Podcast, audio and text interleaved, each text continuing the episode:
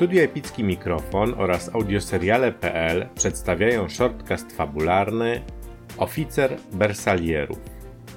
Reżyseria i realizacja nagrania Adam Wolański. Jechałem rannym ekspresem z Marsylii w kierunku Włoch. Sezon na lazurowym wybrzeżu miał się już ku końcowi. Nieliczni podróżni rozproszyli się po różnych wagonach, także byłem sam jeden w swym przedziale. Trwało to aż do Toulonu.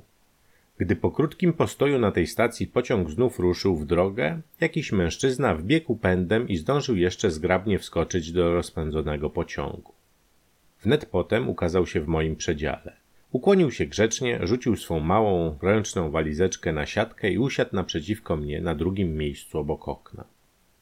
Gorąco dziś, odezwał się po francusku, jakby na usprawiedliwienie tego, że usiadłszy obtarł sobie czoło jedwabną chusteczką. Rzeczywiście, straszny gorąc. Odparłem po włosku, gdyż natychmiast wyczułem w nim Włocha. Nie omyliłem się. Mój towarzysz był rzeczywiście niezwykle inteligentnym Włochem. Mógł mieć jakieś 33 lata, twarz o klasycznych rzymskich rysach, włosy niegdyś kruczo-czarne, dziś były przypruszone siwizną na skroniach.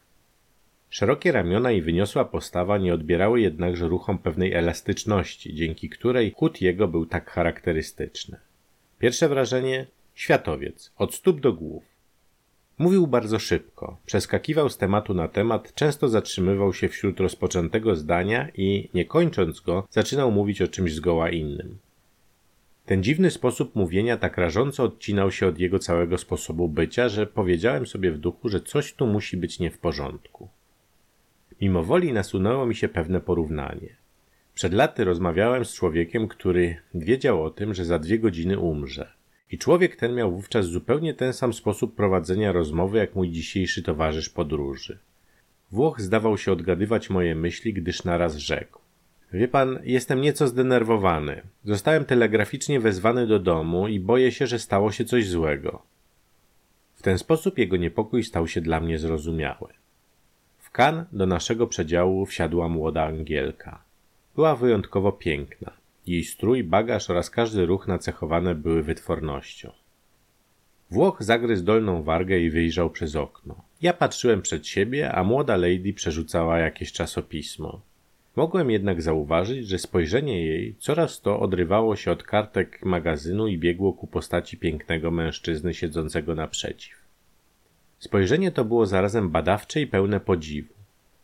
W końcu odłożyła czasopismo na bok i zagłębiła się cała w obserwowaniu Włocha tak, jak człowiek, który nie może oderwać spojrzenia od pięknego obrazu.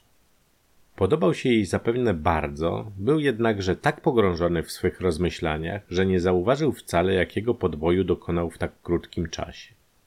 Im bardziej zbliżaliśmy się do granicy, tym bardziej zdenerwowany wydawał się Włoch. Nicea, Monaco, Monte Carlo – od tej ostatniej stacji ekspres ma tylko 6 minut drogi do przebycia aż do francuskiej stacji granicznej. Gdy pociąg nasz opuścił Monte Carlo, Włoch podniósł się i wyjrzał przez okno.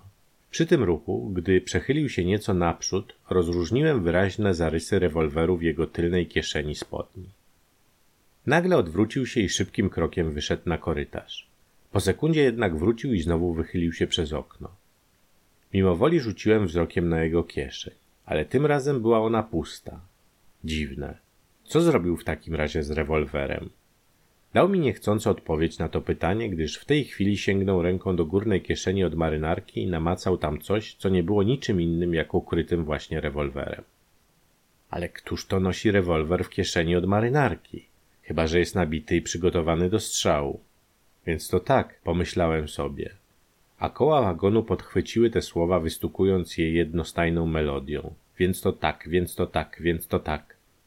Potem stukot kół stał się powolniejszy. Wjeżdżaliśmy do Montony. Z ponad rozłożystej gazety obserwowałem mego sąsiada. Po raz pierwszy spojrzał on teraz w stronę pięknej Angielki, zaskoczony i zdziwiony jednocześnie. Ale trwało to tylko sekundę, bo już pociąg się zatrzymał, a Włoch odwrócił głowę do okna. Wtedy oczy jego rozwarły się szeroko, kąciki ust ściągnęły się kurczowo, a twarz zbielała jak u trupa. Musiał ujrzeć śmierć, tam na peronie. Szybko spojrzałem przez okno i już wiedziałem wszystko. Cała stacja była obsadzona wojskiem. Żołnierze właśnie formowali szereg wzdłuż pociągu. Wyjrzałem drugim oknem, Tu również co dwa kroki żołnierz z nastawionym bagnetem. Włoch zagryzł wargi, ale wydawał się teraz zupełnie spokojny. Po rewizji celnej kilka osób weszło do naszego przedziału. Urzędnik kontrolujący paszporty, jeden oficer i trzej cywile. Urzędnik sprawdził najpierw mój paszport, podczas gdy wojskowi i cywile obserwowali mnie bacznie. Z kolei przejrzeli paszport damy, która z nami jechała. Gdy urzędnik wyczytał jej nazwisko, w zachowaniu jego zaszła widoczna zmiana. Skłonił się z przesadną grzecznością przed naszą towarzyszką podróży i zwrócił jej bez słowa dokumenty. Teraz przyszła kolejna Włocha. Siedział, widocznie znudzony na swym miejscu i palił papierosa, a paszport leżał ułożony na wysuniętym blacie stolika. Prawa jego ręka spoczywała niedbale na lewej górnej kieszeni. Nagle zrobiło się zupełnie cicho. Urzędnik sprawdzający paszporty, oficer, towarzyszący mu trzej cywile spojrzeli wszyscy naraz na Włocha. Poważnie i surowo. Urzędnik podjął w milczeniu paszport ze stolika i podał go jednemu z panów w cywilu, który wyróżniał się długim, zwisającym wąsem. Ten wyjął lupę z kieszeni i zaczął uważnie przeglądać dokument. Kilka minut upłynęło w zupełnym milczeniu. Potem ten sam urzędnik wyciągnął z kieszeni arkusz papieru i rzekł do Włocha. Proszę, niech pan wstanie. Zagadnięty podniósł się. Wówczas cywil ze zwisającym wąsem począł patrzeć kolejno to na papier, to na niego, podczas gdy wojskowy zaglądał mu przez ramię. Bez wątpienia mieli przed sobą rysopis jakiegoś zbiega.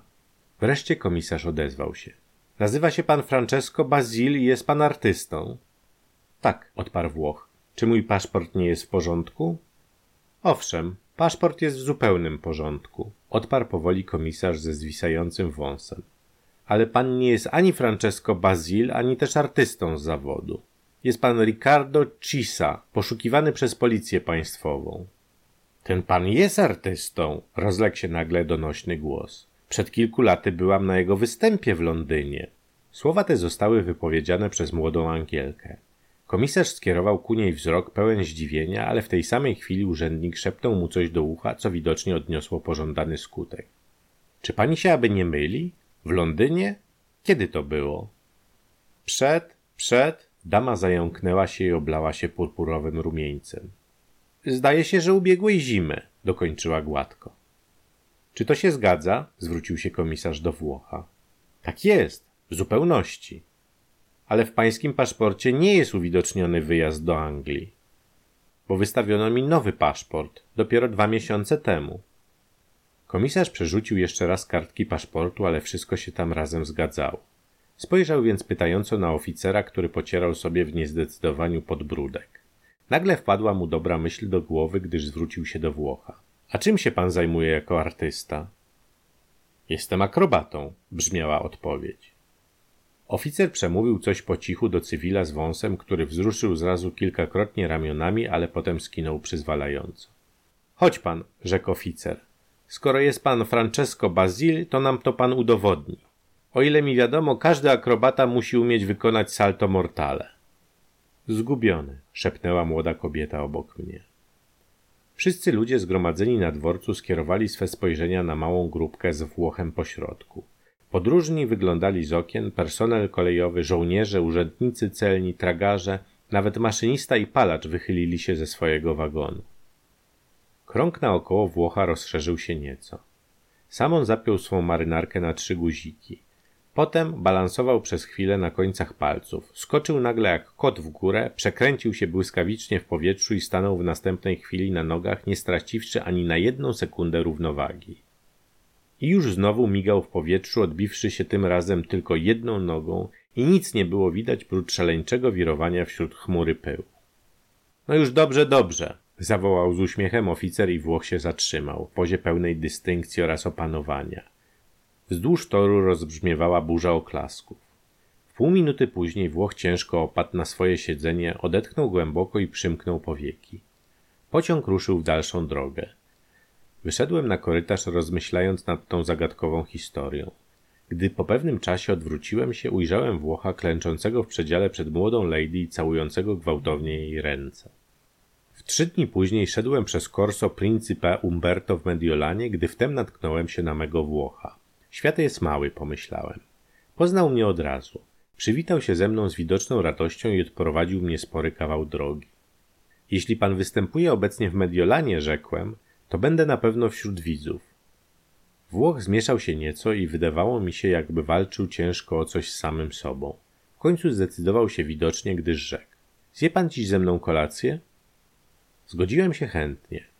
Umówiliśmy się więc, że spotkamy się w restauracji pod Galeria Vittorio Emanuele. Przybyłem nieco wcześniej niż było umówione.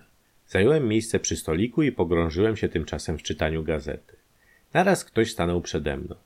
Gdy podniosłem wzrok, ujrzałem przed sobą oficera w pięknym mundurze kapitana Bersalierów. Capitano Riccardo Cisa, przedstawił mi się. Był to mój Włoch.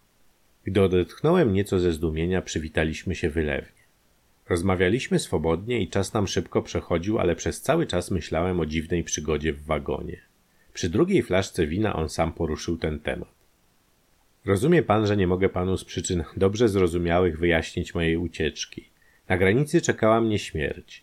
Ocalenie moje zawdzięczam owej Angielce, która mnie nigdy przedtem w życiu swoim nie widziała, no i przypadkowi, który sprawił, że kolega z Francji zażądał ode mnie akurat salta mortale. A gdzie wyuczył się pan tego tak świetnie? spytałem. Ach, więc pan nie wie, odrzekł. U nas, bersalierów, jest to pierwsza rzecz, której uczą rekruta.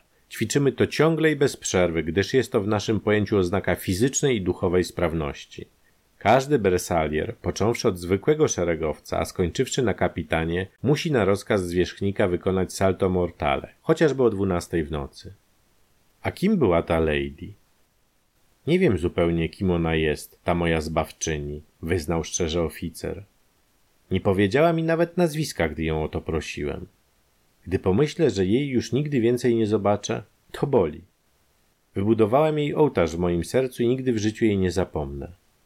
I zwolna wychylił swoją szklaneczkę. Koniec odcinka. Jeśli spodobał Ci się ten odcinek, zasubskrybuj nasz podcast i poleć go za pośrednictwem mediów społecznościowych swoim znajomym. Premiera kolejnego epizodu podcastu już jutro o godzinie 6 rano czasu środkowoeuropejskiego. Do usłyszenia.